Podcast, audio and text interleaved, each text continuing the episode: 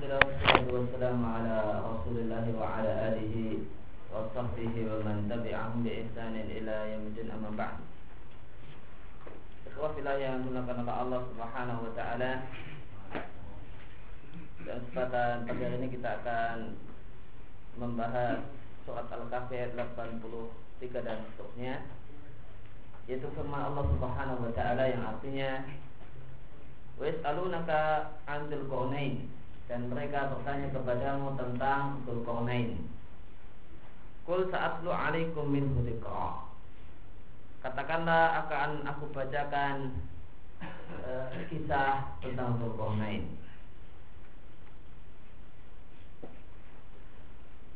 Siapa yang dimaksud dengan mereka dalam kalimat wa yas'alunaka dan mereka bertanya kepadamu maka mungkin Yahudi, mungkin Quraisy atau yang lainnya. Mereka bertanya kepada Nabi Shallallahu Alaihi Wasallam tentang supaya dan meminta Nabi supaya menceritakan tentang siapa itu Dzulqarnain. Dzulqarnain artinya secara bahasa Sahibul Qarnain, pemilik dua tanduk. Dan Dzulqarnain ini disebut-sebut dalam sejarah orang-orang Yahudi berkata kepada orang-orang Quraisy, bertanyalah kepada Muhammad an hada rasul tentang orang ini yaitu Dzul Qarnain jika dia bisa menceritakan kepadamu tentang siapa itu Dzul Qarnain bahwa nabiun maka dia adalah memang benar-benar seorang nabi. Nah, kenapa orang ini mendapatkan gelar Dzul Qarnain? Maka ada beberapa penjelasan ulama ahli tafsir tentang asal muasal kenapa dia disebut pemilik dua tanduk.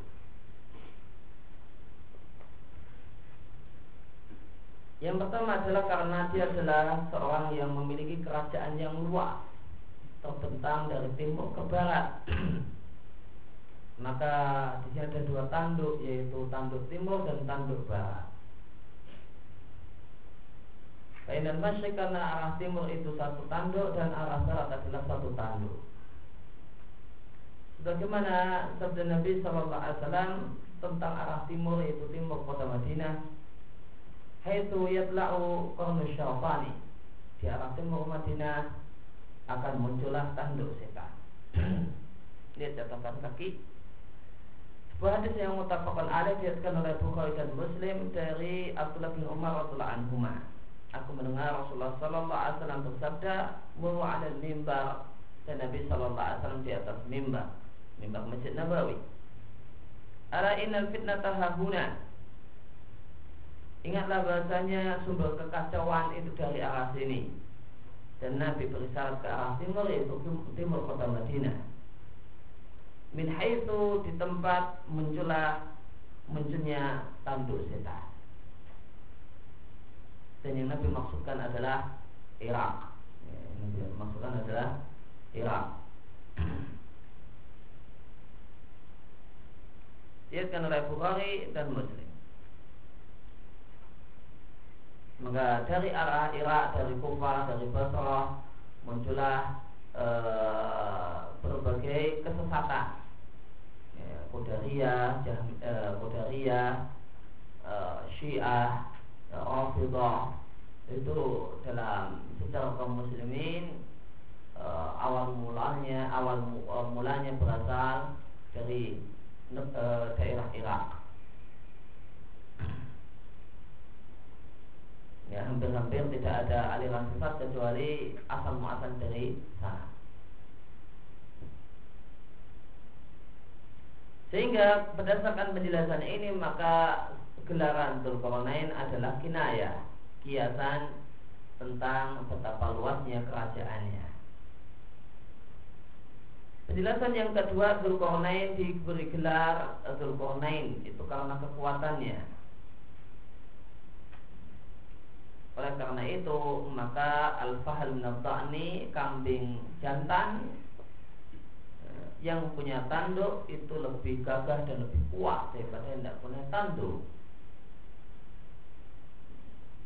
Maka di sini juga berarti kiasan, kiasan dari orang yang demikian kuat.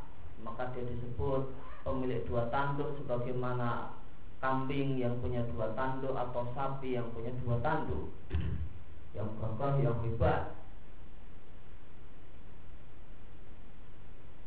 Kemudian penjelasan yang ketiga Wakila li'anau kana ala ra'si qonani. Ya karena ini memberikan maknanya makna real makna hakiki yaitu benar-benar di kepala uh, orang tersebut ada dua tanduk. Kata silmuluki yang tanduk yang ada di kepalanya itu uh, seperti mahkota bagi para raja. Maka ini dimaknai dengan makna hakiki. Kesimpulannya wal hakikatu sebenarnya Al-Quran e, tidaklah menjelaskan sebab kenapa orang tersebut diberi gelar Dzulqarnain. Akan tapi e, penjelasan yang paling mendekati pada maksud Al-Quran Dzulqarnain maknanya adalah raja pemilik timur dan barat seorang raja yang kekuasaannya luas membentang dari timur ke barat ini yang dinilai paling cocok berdasarkan cerita Dzulkarnain yang Allah sampaikan di surat Al-Kahfi ini. Wa munasibun tamaman dan memberikan makna ini memberikan penjelasannya adalah penjelasan yang sangat-sangat cocok.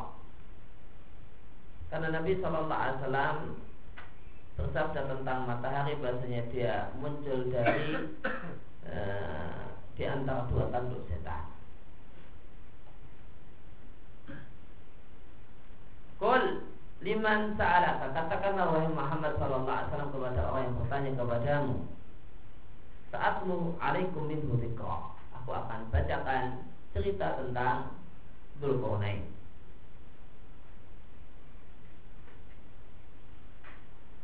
Yang dimaksud dengan zikra di sini cerita tentang Dzulqarnain adalah laisa kula zikrihi. Ya. Tidaklah seluruh sejarah, seluruh citra cerita Dzulqarnain akan tapi zikron minhu. Sebagian cerita, sebagian kisah Dzulqarnain. Kemudian Allah Subhanahu wa taala mengkisahkan kisah yang hendak Allah sampaikan. Inna makanna lahu fil ardi Sesungguhnya kami telah berikan kekuasaan kepadanya di muka bumi. Makan nahu Ini dia kata tertamkin Artinya kekuasaan. Wa atainahu min kulli syai'in sababa. Dan kami berikan kepadanya sebab segala sesuatu, sarana segala sesuatu.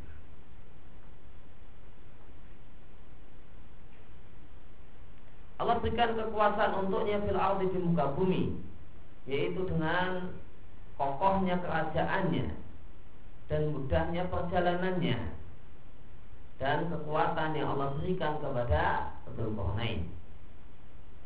Wa atainahu min kulli syai'in dan kami berikan padanya sebab dan sarana atau sarana untuk terwujudnya segala sesuatu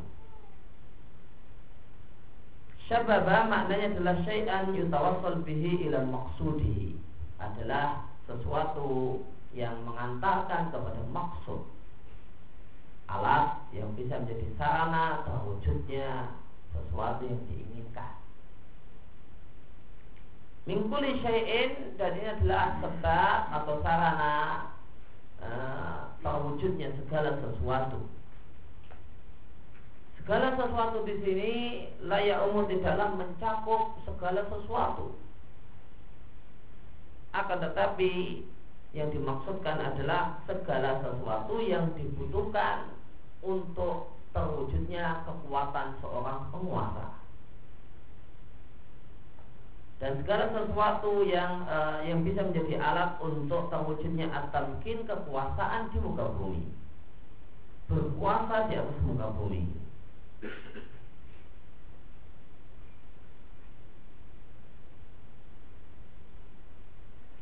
maka di sini uh, ya, maka bisa kita katakan saya Muslimin menyampaikan kaidah yaitu anna kulla syai'in bihasabi maqduhu ilaih. Maksudnya dalam Al-Quran istilah kullu syai' ya, itu bukan segala sesuatu dan artinya langit dan bumi dan seluruhnya. Wah. Namun makna segala sesuatu dalam Al-Quran itu tergantung makudofu ilaih. Tergantung kaitan dari segala sesuatu. Segala sesuatu berkaitan dengan masalah raja ya segala sesuatu yang dibutuhkan seorang raja dan penguasa.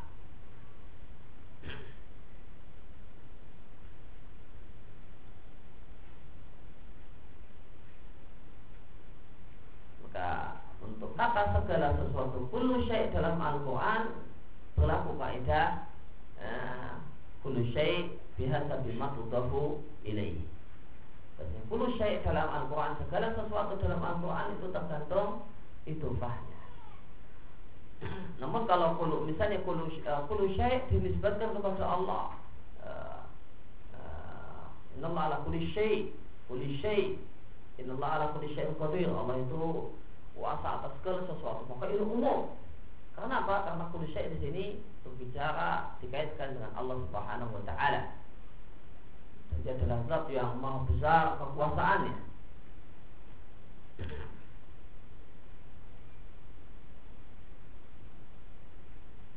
Ya, apa dalil untuk kaidah ini? Bahasanya kullu syai' tergantung konteksnya bicara tentang siapa. Dalilnya adalah Hudhud berkata kepada Sulaiman. Hudhud berkata kepada Sulaiman an uh, Malikatul Yaman As-Sabah tentang Ratu Yaman uh, yaitu Ratu Kerajaan Sabah. Wa utiyat min kulli dan Ratu Sabah itu diberi segala sesuatu. Jelas segala sesuatu di sini uh, tidak luas cakupannya.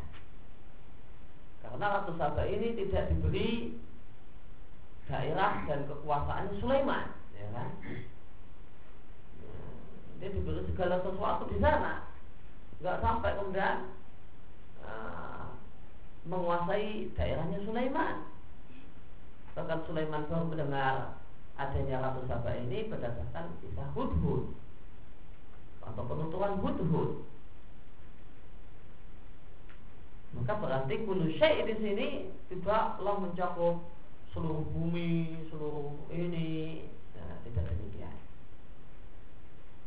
Pemakluman dan satu hal yang telah diketahui bahwasanya Ratu Saba tidaklah diberi kerajaan langit dan bumi.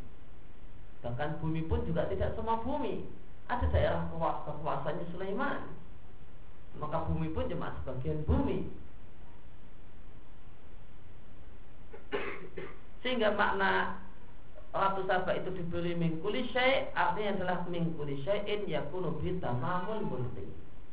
Diberi segala sesuatu yaitu segala sesuatu yang dengannya sempurnalah kerajaan dan kekuasaan Ratu Sabah.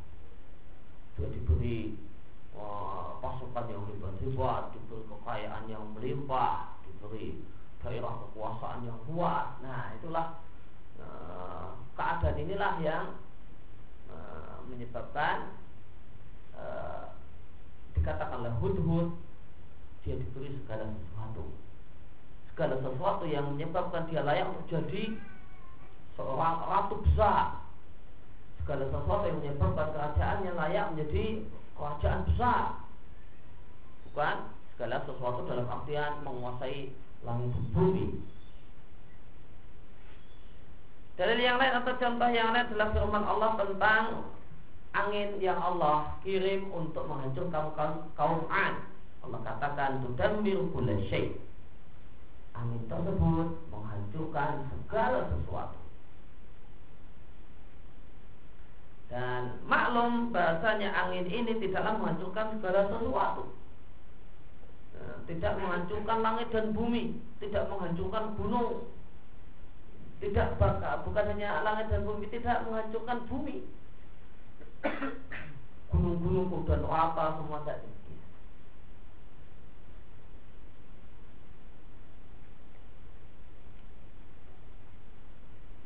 bahkan eh, rumah-rumah kaum Ad itu juga tidak dihancurkan oleh si angin Bagaimana firman Allah Subhanahu wa taala fa'asbahu la yura ila masakinu.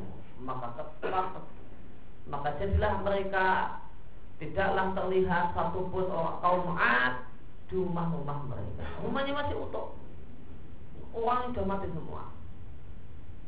Berarti angin ini tidak menghancurkan rumah.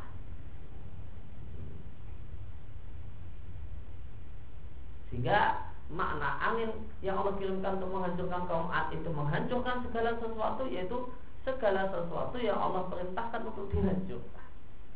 Itu kaum Ad.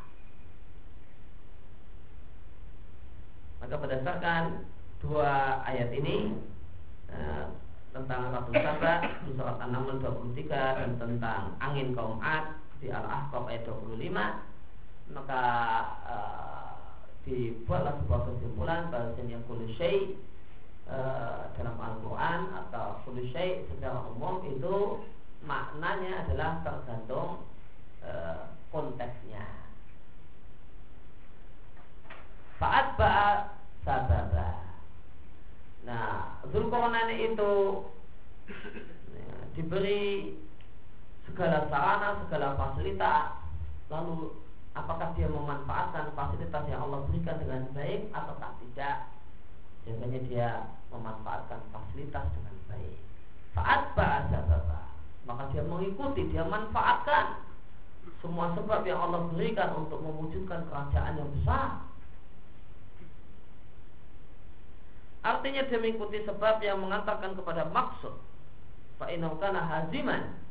Karena dia adalah seorang yang Eh, memiliki hati yang kokoh maka dia memanfaatkan berbagai sebab yang Allah berikan kepadanya.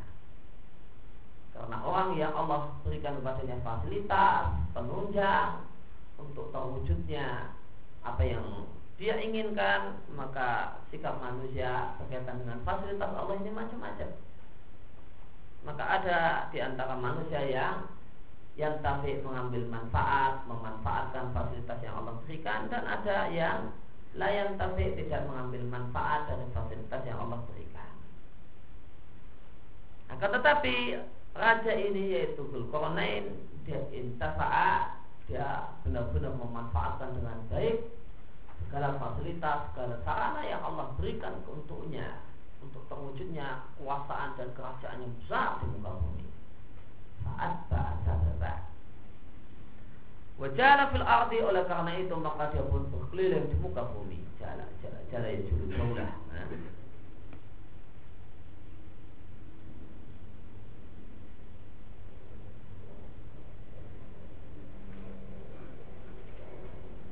Maka di sini uh, terdapat pelajaran tentang ya, bagaimanakah seorang itu sukses seorang itu sukses ketika seorang itu bisa memanfaatkan fasilitas yang Allah berikan kepadanya dengan baik.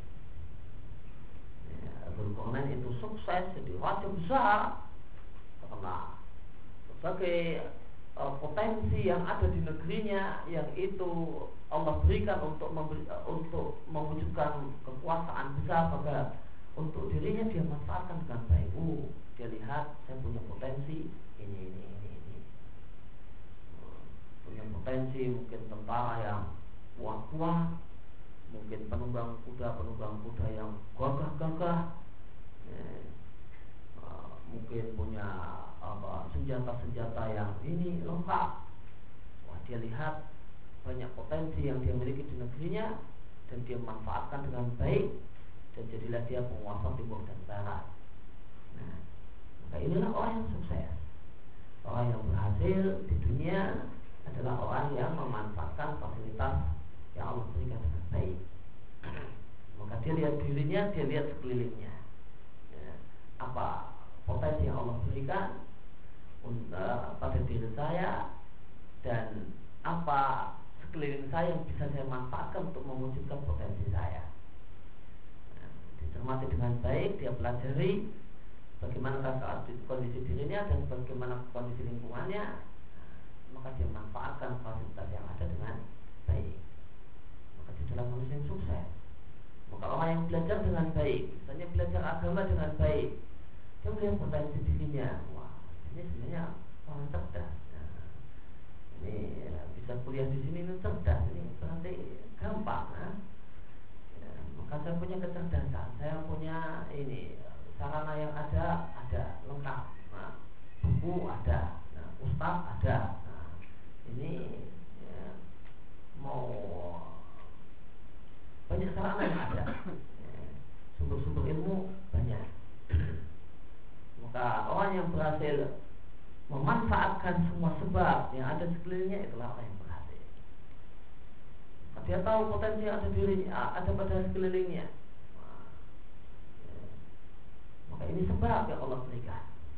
Nah tinggal asba asbaba atau tidak tinggal orang tersebut mengikuti sebab memanfaatkan sebab sarana yang Allah berikan atau tidak.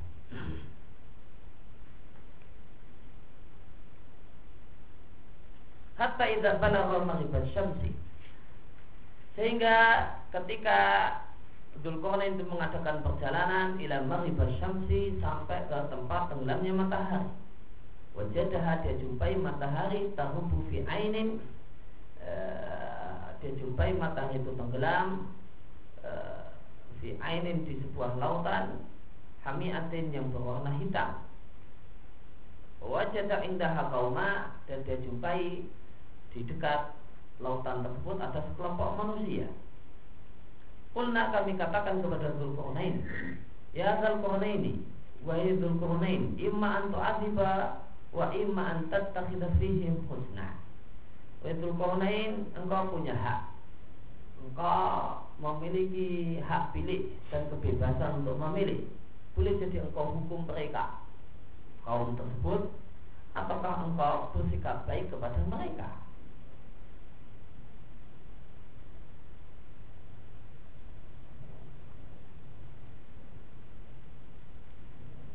Maka hatta idza balagha maghrib syamsi minal ma'lumi satu hal yang maklum bahasanya yang dimaksud adalah ya, maghrib syamsi adalah tempat di mana matahari tenggelam di sana dan tempat tenggelamnya matahari adalah lautan.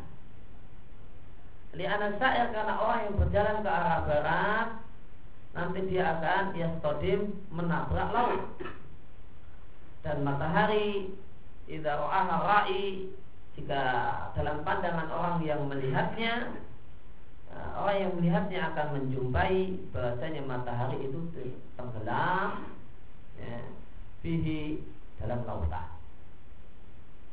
Karena mentok ketemu laut, ya, lautnya di sisi barat, maka dia katakan bahasanya matahari tenggelam di lautan. Maka dia jumpai matahari itu tenggelam fi ainin hamiatin. Ainin artinya ardul bahri, lautan. Hamiatin artinya air yang hitam karena karena air tidak maka tawilan fil ardi jika lama mengendap uh, mengendap di satu tempat di tanah satu tanah maka dia akan jadi hitam dan satu hal yang maklum bahasanya matahari itu tenggelam di uh, lautan yang berwarna hitam ini adalah menurut ru'yatul insan menurut pandangan manusia. Wa ila faya akbar min al-ardi. Karena kita tahu bahasanya matahari itu lebih besar daripada bumi. Dan matahari itu lebih besar daripada lautan yang hitam tersebut.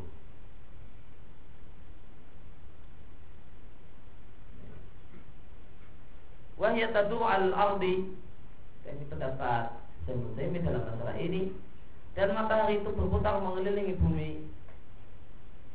Lakin akan tetapi tidaklah mengapa anal insan seorang menceritakan tentang sesuatu yang dilihat oleh kedua matanya menurut apa yang dia lihat oleh kedua matanya. Maka hadis, ya, maka penjelasan e, penulis di sini memberikan satu pelajaran penting tentang masalah tafsir, yaitu bahwasanya e, makna ayat itu bisa dijelaskan dan dipahami ya, bisa makna satu ayat itu bisa ditakwil ya, berdasarkan realita. Berdasarkan realita ya. Maka di sini pada hakikatnya takwil. Ya, karena ayat yang mengatakan tahu fi ainin hamiatin. Lautan e, matahari tenggelam di lautan yang berwarna hitam. Maka kalau zahirnya ya tenggelam di tenggelam di lautan yang berwarna hitam. Namun di sini eh, eh, Muslimin memberikan takwil dengan mengatakan makna tarubu fi aini fi ainil hamiatin maknanya adalah tarubu fi ainil hamiatin fi ma'ahu ra'i. Fi ma'ahu ra'i. Itu tenggelam di lautan yang berwarna hitam dalam pandangan manusia yang melihatnya bukan dalam kenyataannya alasannya kenapa saya Muslimin mentakwil ayat ini beliau tidak membawakan dalil Quran, dalil hadis tidak untuk membawakan dalil kenyataan membawakan dalil realita nah. Ya apa? Apa realitanya? Ya akbar minal Matahari lebih besar daripada bumi. Matahari lebih besar daripada lautan yang berwarna hitam. Maka ini realita. Bukan e, nusus wahyu.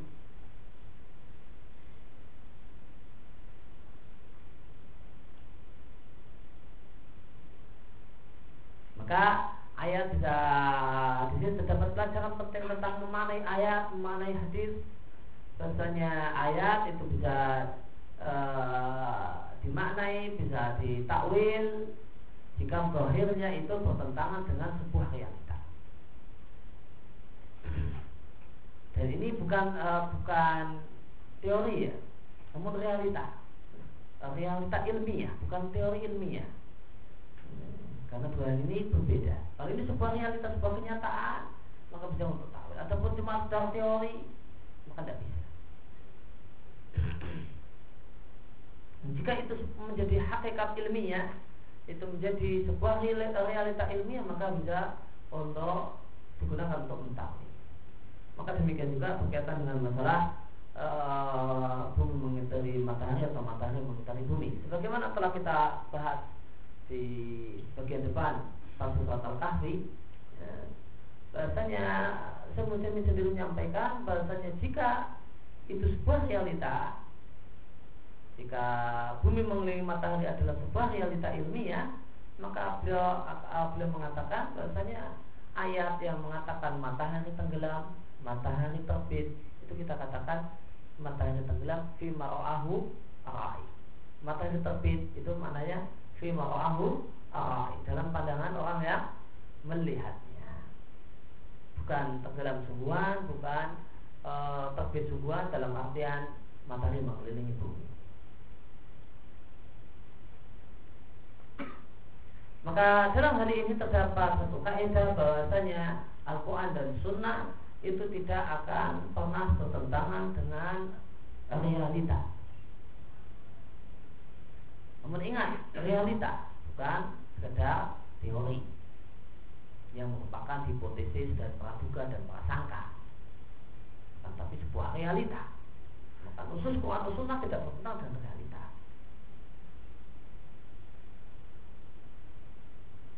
Oleh karena itu jika nampak ada uh, ada pertentangan antara Quran dan Sunnah, nusus Quran dan Sunnah nampak pertentangan dengan sebuah realita, ya, maka realita yang ada ini bisa digunakan untuk mentakwil zahir khusus Quran dan Sunnah.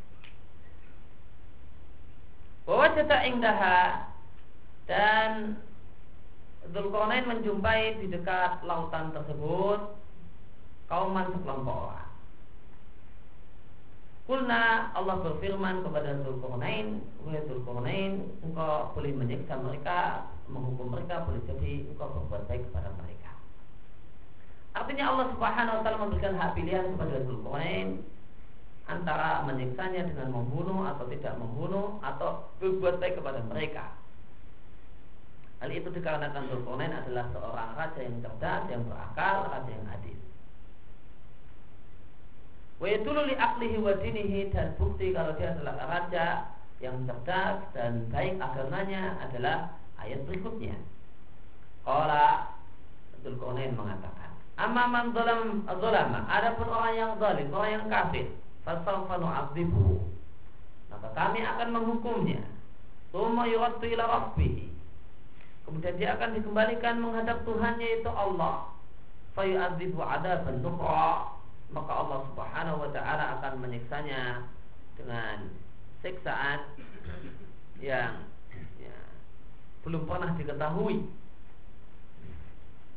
dengan siksaan yang belum pernah diketahui. Nukrah di sini kebalikan dari makhluk. Wa amaman amana wa amila salihah. Adapun orang yang beriman dan beramal saleh falahu jazaa'an husna, jazaa'anil husna. Maka untuknya balasan yang terbaik wa lahu min amrina yusra. Ya, dan kami akan katakan kepadanya min amrina dari keputusan kami yusra kemudahan.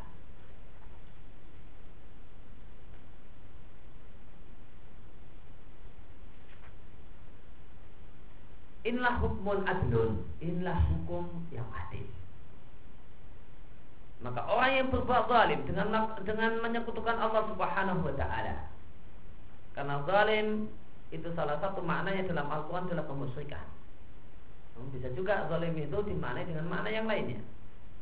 Akan tapi yang pilihan e, kemungkinan makna yang lebih mendekati wallahu a'lam yang dimaksud dengan kezaliman dalam ayat ini adalah kemusyrikan. Ya.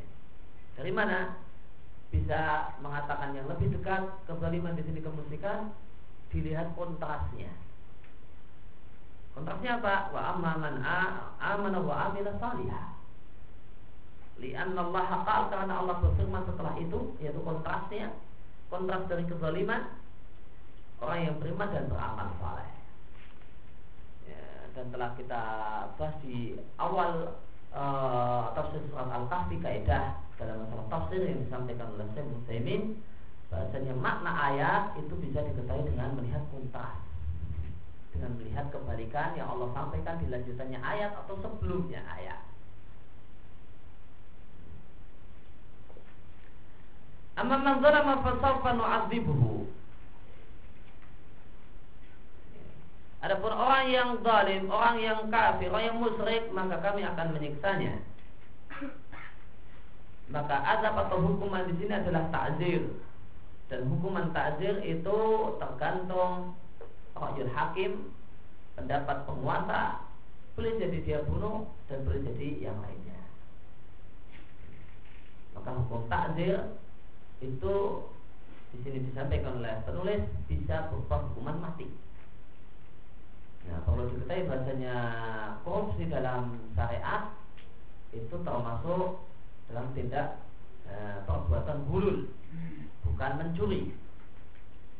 Ya, korupsi itu hulul bukan mencuri dalam syariat. Nah, oleh karena itu dan hulul itu hukumannya adalah takzir. Hukumannya takzir bukan hak lain kalau mencuri maka mencuri hukumannya hak yaitu potong tangan korupsi itu hulul dan hulul hukumannya tidak ada hukuman khusus dari Dan Sunnah sehingga hukumannya adalah takdir kembali kepada istihad pertimbangan dan keputusan seorang penguasa.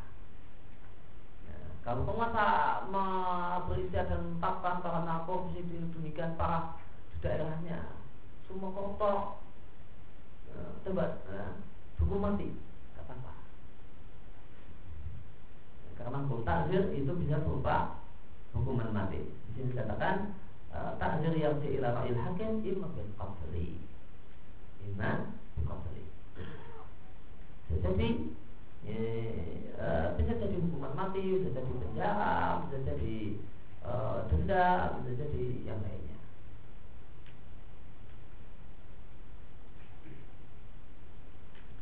Thumma yuraddu ila rabbih kemudian dia akan dikembalikan kepada Tuhannya lalu Allah akan menyiksanya, mengadabnya dengan siksaan yang belum pernah diketahui.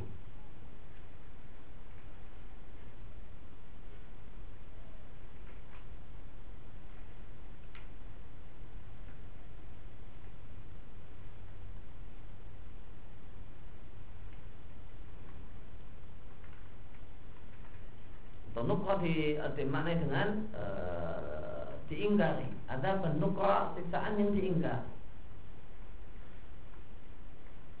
Loh, di sini uh, kenapa setelah dihukum oleh Zulkarnain masih juga akan disiksa di akhirat? Jawabannya karena hukuman itu tidak berfungsi pembersih dosa kalau untuk orang kafir. Hukuman tidak berfungsi sebagai pembersih dosa jika untuk orang kafir. Kalau muslim maka seorang muslim, uh, beda dengan muslim. Kalau muslim hukuman itu berfungsi untuk membersihkan dosanya. Ada orang kafir maka hukuman itu tidak berfungsi untuk membersihkan dosa. Oleh karena itu orang kafir disiksa di dunia dan di akhirat. Na'udzubillahi min dzalik. Nukra nah, artinya diingkari oleh orang yang tersiksa akan tetapi untuk Allah Subhanahu wa taala siksaan yang Allah berikan kepada orang kafir bukanlah nukrin. Bukanlah siksaan yang diingkari bahkan itu adalah uh, hakun wa adlun kebenaran dan keadilan. Lakinnahu akan tetapi orang kafir mengingkari siksaan Allah Orang yang diazab yaitu orang kafir mengingkari siksaan Allah Subhanahu wa taala karena dia menilai beranggapan bahasanya siksaan tersebut adalah siksaan yang berat. Wa amma man amana wa amila salihah Sedangkan orang yang beriman dan beramal soleh maka untuknya balasan yang terbaik dan kami akan katakan kepadanya ya, berkaitan dengan perintah kami dengan perkataan yang mudah maka seorang mukmin yang beramal dengan amal kebajikan maka untuknya balasan di sisi Allah dan balasannya adalah balasan al-husna yang terbaik, terindah. Itulah balasan surga. Yang tidak ada bandingannya, kenikmatan yang tidak bisa dibayangkan. Sebagaimana firman Allah di surat Yunus, "Lilladzina ahsanul husna wa ziyadah." Untuk orang-orang yang berbuat baik di dunia maka untuknya al-husna balasan yang terbaik yaitu surga wasiyadah dan tambahan yaitu memandang wajah Allah Subhanahu wa taala eh, dan memaknai ziyadah dengan eh, memandang Allah Subhanahu wa taala adalah makna dan tafsir langsung dari Nabi sallallahu alaihi wasallam bagaimana dalam sebuah hadis yang diatkan oleh Muslim. Dan Nabi Shallallahu Alaihi Wasallam telah menafsirkan al-husna dengan surga dan dia adalah an-nazar ila wajhillah memandang wajah Allah Subhanahu Wa Taala. E, sebagaimana di catatan kaki diatkan oleh Muslim, lafadznya tidak takhala al jannah di jannata jika penduduk surga telah masuk surga maka Allah tabaraka wa taala berfirman Turiduna syai'an azidukum Maukah Apakah kalian menginginkan sesuatu sebagai tambahan untuk kalian? Maka penghuni surga mengatakan, Ya Allah, bukankah engkau telah memutihkan wajah kami dan engkau telah masukkan kepada kami dalam surga dan menyelamatkan kami dari neraka? Maka selamat dari neraka itu nikmat khusus, nikmat tersendiri. Selamat dari neraka itu nikmat tersendiri. Masuk surga nikmat yang lain lagi. Maka seandainya orang itu selamat dari neraka dan tidak masuk surga dia telah mendapatkan nikmat. Kal maka Allah uh, kemudian Allah Subhanahu wa taala mencing, uh, menyingkap membuka tirai yang menutupi wajahnya maka tidaklah penghuni surga diberi sesuatu yang lebih mereka sukai daripada an-nazar memandang wajah Allah azza wa jalla dalam satu riwayat dikatakan tumatala hadil ayata kemudian Nabi membaca ayat ini lilladzina ahsanul husna wa Maka setelah Nabi mengatakan kalimat di atas kemudian beliau membaca lilladzina ahsanul husna wa maka di sini uh, secara tidak langsung Nabi menafsirkan bahwa ziyadah maknanya adalah an-nazar ila wajhillah. Adapun yang tegas kalimat tegas maka dalam riwayat Muslim itu tidak langsung. Penafsiran dari Nabi untuk ziyadah dengan mata wajah Allah adalah nafsiran yang tidak langsung. Namun terdapat riwayat yang uh, yang uh, namun baif yang diatkan oleh Tabrani uh, Nabi SAW menegaskan bahwa makna ziyadah tambahan adalah memandang wajah Allah Subhanahu wa taala. Berkaitan dengan hadis Muslim di sini terdapat pelajaran bahwasanya uh, jika seorang itu membaca membawakan ayat sebagai dalil ya, dalam pembicaraannya maka tidak dituntunkan untuk mengucapkan membaca ta'awud dan basmalah. Maka setelah Nabi mengatakan apa yang sudah katakan dia membaca ayat tanpa membaca basmalah tanpa membaca ta'awud. Ini langsung membaca Lillahina ahsanul husna ada tanpa basmalah sebelumnya, tanpa ta'awud sebelumnya. Nah, karena itu jika seorang itu membawakan ayat Al-Quran dalam untuk sebagai dalil atas perkataannya dalam sebuah ceramah, dalam sebuah khutbah, maka yang sesuai dengan sunnah, dia tidak perlu e, memulai memulainya dengan baca basmalah atau ta'awud. Ta'awud dan basmalah itu dianjurkan ketika seorang itu membaca ayat Al-Quran dalam rangka membaca ayat Al-Quran. Adapun seorang yang baca ayat Al-Quran dalam rangka berdalil, maka yang sesuai dengan sunnah dia tidak perlu membaca ta'awud, tidak perlu membaca uh, basmalah. Dan dalil tentang muslim sangat banyak sekali dan di antaranya adalah hadis ini. Yusra. Dan kami akan berkata kepadanya dengan perkataan yang mudah. Kami katakan padanya perkataan yang mudah Tidak ada kesulitan di dalamnya. Maka Abdul uh, menjanjikan untuk orang yang musyrik dengan dua hal. Yang pertama Abdul Qarnain sendiri akan menyiksanya. Kemudian yang kedua uh, Bahasanya dia akan dikembalikan kepada Allah Yaitu tiba di akhirat Lalu Allah akan menyiksanya dengan siksaan. Nukra dengan siksaan yang sangat besar yang dia ingkari. Eh, Dia anggap ini adalah siksaan yang sangat-sangat keras Sedangkan orang yang beriman Dia janjikan dengan dua hal juga. Eh, Pertama untuknya al-husna Surga Allah subhanahu wa ta'ala. Ini balasan di akhirat. Kemudian yang kedua adalah e, Janji di dunia Yaitu Zulkarnain akan menyikapi seorang mukmin orang yang beriman dengan sikap yang mudah dan mudah. Dan di sini terdapat satu nuktah, nuk, uh, nukat, nuktah, nukat itu uh, satu hal yang indah, satu hal yang menarik, unik, menarik. Di sini ada nuktah. Apa nuktah di sini? Ta'amal, renungkanlah tentang orang musyrik.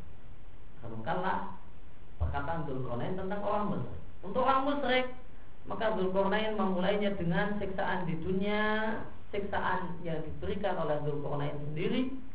Kemudian setelah itu karena dia nomor dua yang dia sebutkan barulah siksaan Allah di akhirat.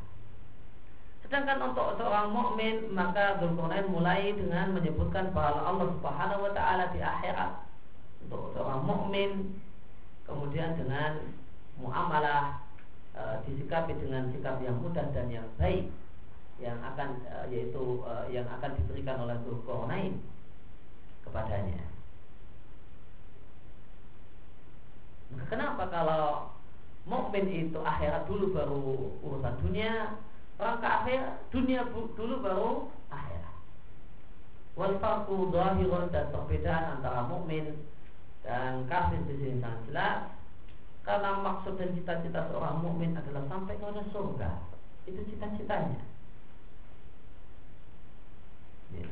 dan sampai dan masuk ke dalam surga tidak diragukan itu lebih baik dan lebih disukai oleh seorang mukmin daripada mendapatkan kata-kata yang indah menyenangkan dari Zulkarnain seorang raja. Maka seorang mukmin masuk surga itu lebih dia sukai daripada uh, uh, diberi uh, ucapan yang baik janji-janji yang baik sikap-sikap yang baik oleh seorang penguasa.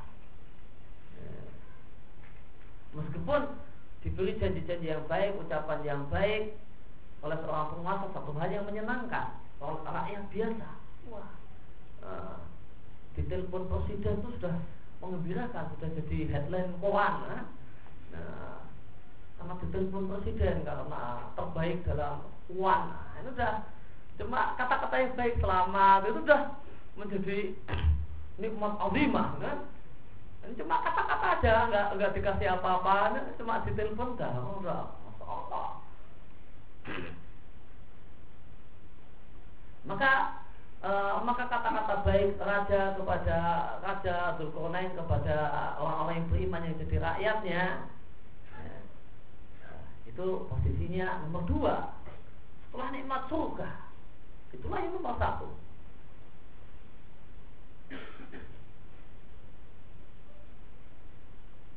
Wa amal kafir adapun orang kafir maka siksaan di dunia untuk mereka itu mendahului siksaan di akhirat. Wa aisa dan siksaan di dunia itu lebih mudah daripada siksaan akhirat. Fabada abihi maka Allah maka Dzulkarnain mulai dengan siksaan di dunia. Yang kedua, orang yang kafir itu lebih merasa takut dengan hukuman di dunia daripada siksaan di akhirat. Karena mereka tidak beriman dengan akhirat. Li'anna la yu'minu karena dia tidak beriman dengan siksaan yang kedua yaitu siksaan akhirat.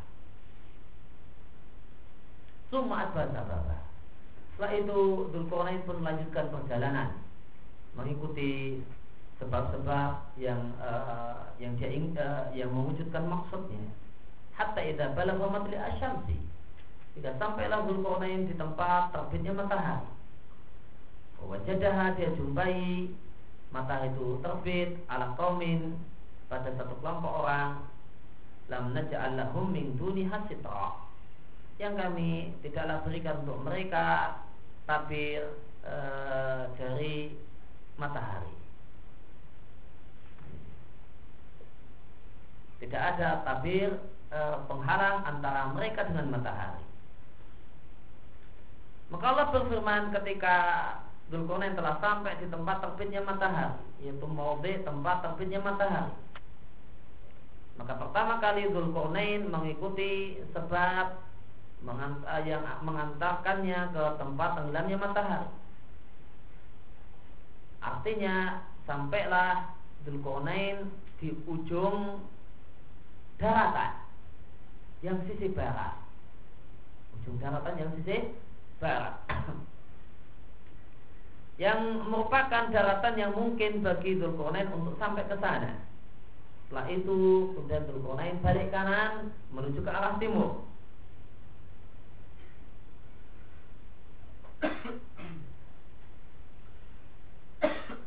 Kenapa di sini Zulkarnain cuma ke timur, ke barat sama ke timur, tidak ke utara sama selatan? Kenapa Zulkarnain tidak jalan-jalan ke utara sampai selatan, cuma timur sama barat?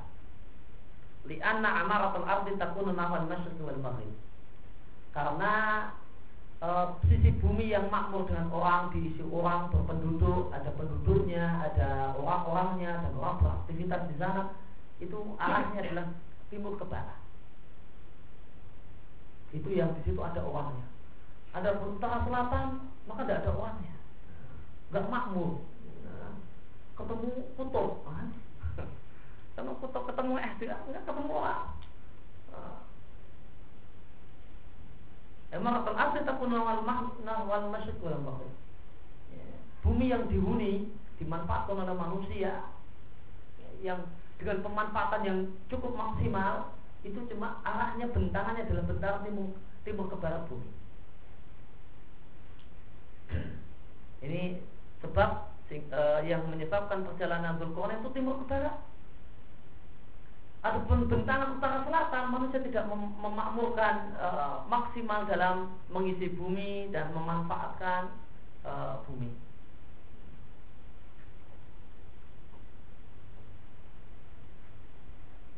Oleh karena itu Nabi Shallallahu Alaihi Wasallam bersabda dalam hadis yang lain, Sesungguhnya Allah melipat bumi untukku. Maka aku melihat sisi timurnya dan sisi baratnya. Kemudian Nabi katakan, semuanya sisi timur dan semua sisi barat tersebut Allah janjikan untuk Allah berikan pada umatku.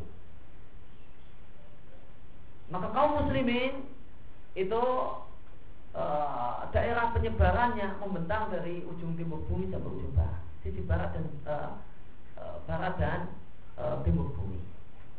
Nah, kaum muslimin tidak uh, tidak akan uh, membentangkan penyebaran kaum muslimin tidak akan dari utara ke selatan. Shimal wal janub. Maka di sini Dzulqarnain tidak asyimal, tidak ke arah utara dan tidak ke arah selatan. Di anak shimal wal janub karena utara dan selatan aksaru minal shimal wa aksaru minal janub yang paling jauh dari arah uh, utara dan yang paling jauh dari arah selatan seluruhnya adalah salju. Laisa fiha sukan tidak di sana tidak ada manusia-manusia yang berpenghuni. Manusia-manusia yang menghuni. Ya ada namun sangat sedikit. Karena sangat sedikitnya maka bisa dikatakan tidak berpenghuni. Ya. Anadir lahum malahu. Sangat sedikit itu dianggap tidak ada. Nah kenapa manusia kok bentangan penyebaran manusia itu dari timur ke barat? Nggak ngambil utara selatan. Pasukan yaitu asyam karena daerah penghuni itu mengikuti perjalanan matahari. Nah perjalanan matahari dari timur ke barat. Atau dari barat ke timur. Maka orang tuh tinggal kemudian bikin rumah maka manusia itu butuh cahaya matahari butuh cahaya matahari untuk ber, untuk bermukim untuk ini nah, sehingga bentangan e, penyebaran manusia adalah timur ke barat atau barat ke timur wajadah satu ala kaumin Wajadaha maka Zulkarnain menjumpai matahari terbit pada sekelompok orang. Ya. Laisa indahum binaun wala asdarun dolilah di daerah tersebut itu di daerah tersebut terdapat manusia-manusia yang manusia-manusia ini tidak memiliki bangunan. Ya, tidak memiliki rumah tidak pula memiliki pohon yang besar-besar yang memberikan naungan. Wala durun wala kusurun. Ya, mereka tidak punya rumah apalagi kusurun istana apalagi rumah mewah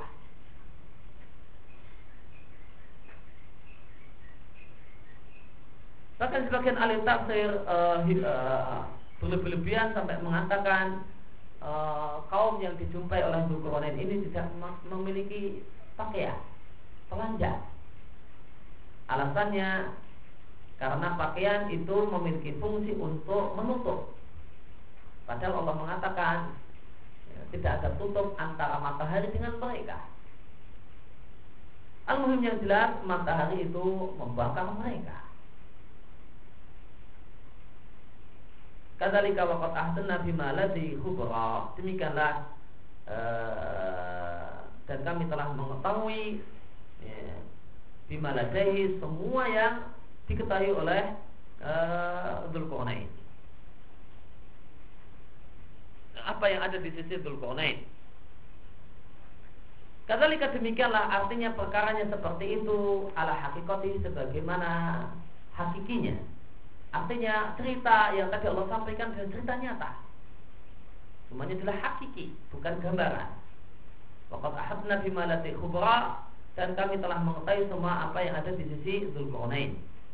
Artinya kami mengetahui dengan yakin segala sesuatu yang dimiliki oleh Zulkarnain yaitu sarana-sarana kerajaan dan ya, imtidadihi dan sarana-sarana untuk melibatkan kekuasaan dan kerajaan. Artinya kami mengetahui segala sesuatu yang dimiliki oleh Zulkarnain Mendalika yang berhubungan dengan hal tadi Untuk melebarkan kekuasaannya dan melebarkan uh, uh, kerajaannya Ini kan kita baca kesempatan hari ini. Allah kan kita lanjutkan kesempatan yang akan datang dengan kisah Ya'jud dan Ma'jud. Sallallahu ala Nabi Muhammad wa Alhamdulillah أشهد أن لا إله إلا أنت أستغفرك وأتوب إليك.